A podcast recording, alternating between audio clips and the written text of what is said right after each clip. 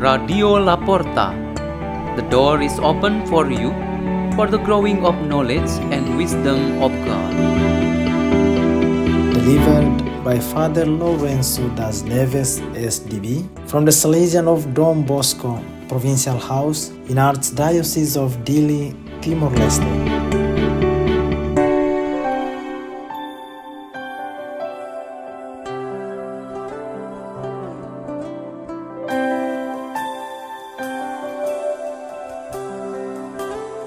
Reading and meditation on the Word of God on Monday of the 23rd week in Ordinary Time, September 11, 2023.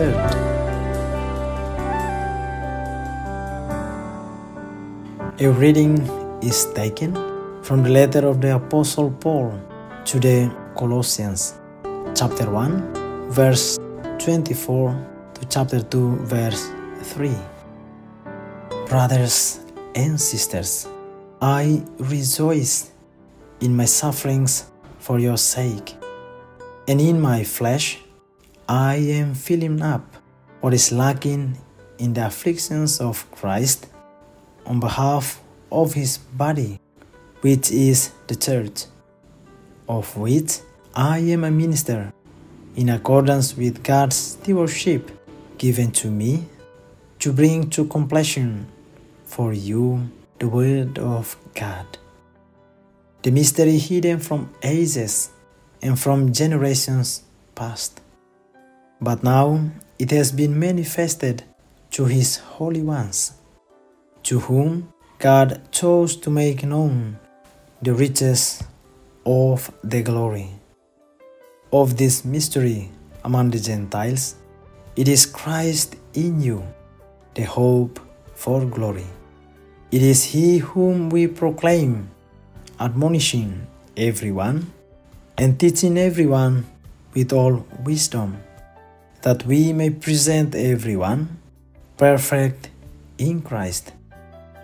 For this I labor and struggle in accord with the exercise of His power working within me.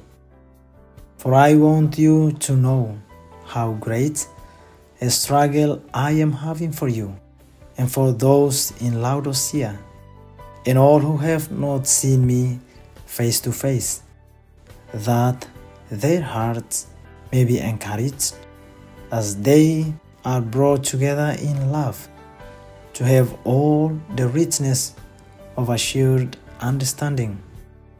For the knowledge of the mystery of God, Christ, in whom are hidden all the treasures of wisdom and of knowledge. The word of the Lord.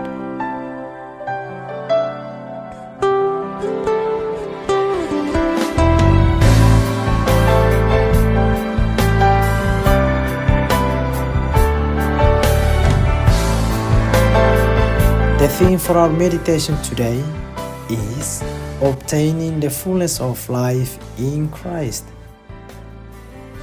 There was an elementary school student who did not go to class, and when his parents investigated, it turned out that he was absent a lot. His parents found out that he had only reached the gate, acting as if he was entering the school area. But he turned around and went to play. There was another elementary school boy when the teacher asked in the class the following question Who is here does not want to pass to the next grade? He raised his hand. Then he said that if he would pass to the next grade, it would be unfair because he was so lazy and planned to quit the school. These two elementary school boys did not experience school as fully as expected.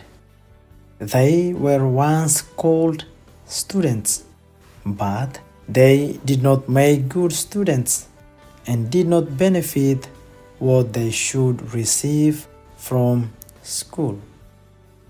This analogy can be applied to us followers of Christ. They claim to follow Christ through baptism, but maybe just in names and become passive members of the church. These people do not reach the fullness of life in Christ.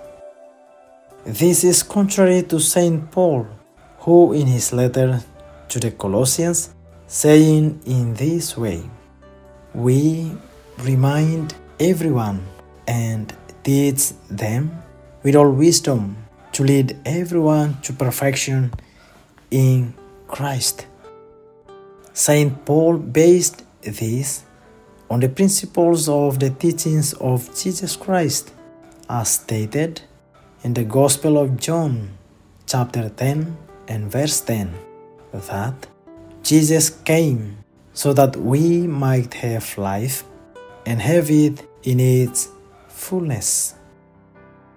Today, our readings describe the fullness of life in Christ, which requires us to have first, fullness of suffering.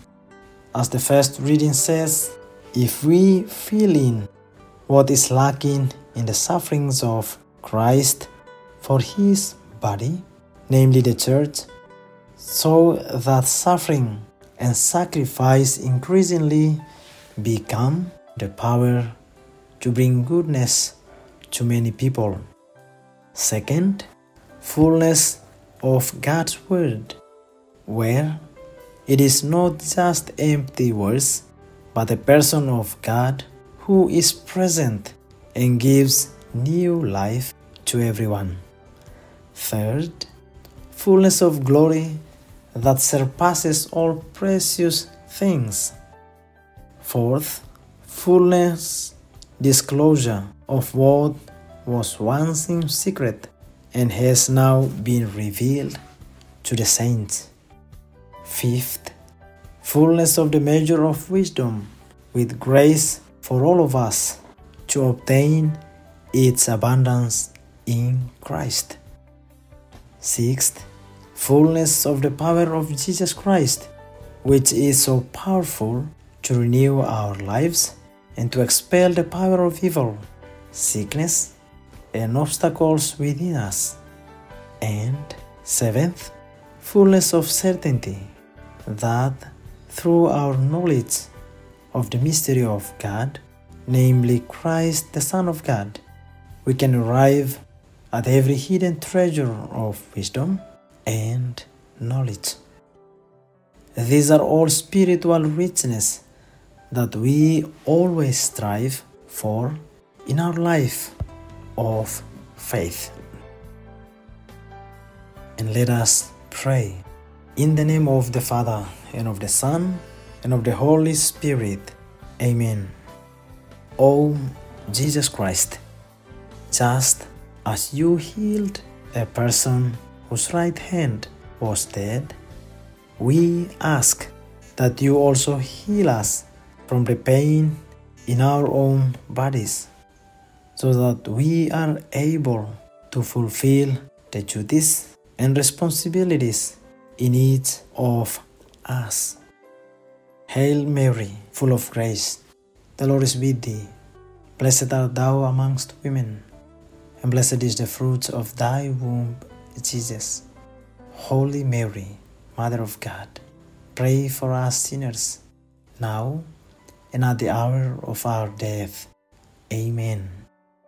Glory be to the Father, and to the Son, and to the Holy Spirit, as it was in the beginning, is now, and ever shall be, world without end. Amen. In the name of the Father, and of the Son, and of the Holy Spirit. Amen. Radio La Porta. The door is open for you.